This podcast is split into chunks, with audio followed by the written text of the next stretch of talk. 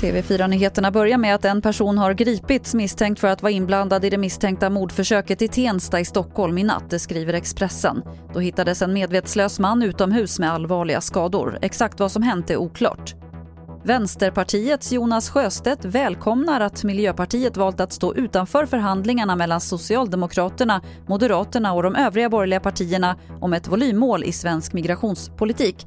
Det säger han till TV4 Nyheterna nu på morgonen. Jag tycker att det är bra att Miljöpartiet äntligen säger ifrån om asylpolitiken.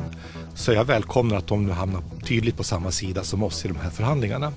Om de är kvar i regeringen eller inte, det måste Miljöpartiet själva avgöra.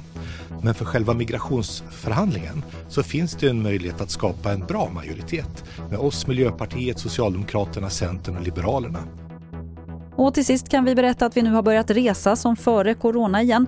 Under värmeböljan i förra veckan låg svenskarnas inrikesresande på samma nivåer som innan reserestriktionerna började gälla. Det här visar data från Telia. Men vi reser fortfarande mindre än vad vi gjorde under samma vecka förra året.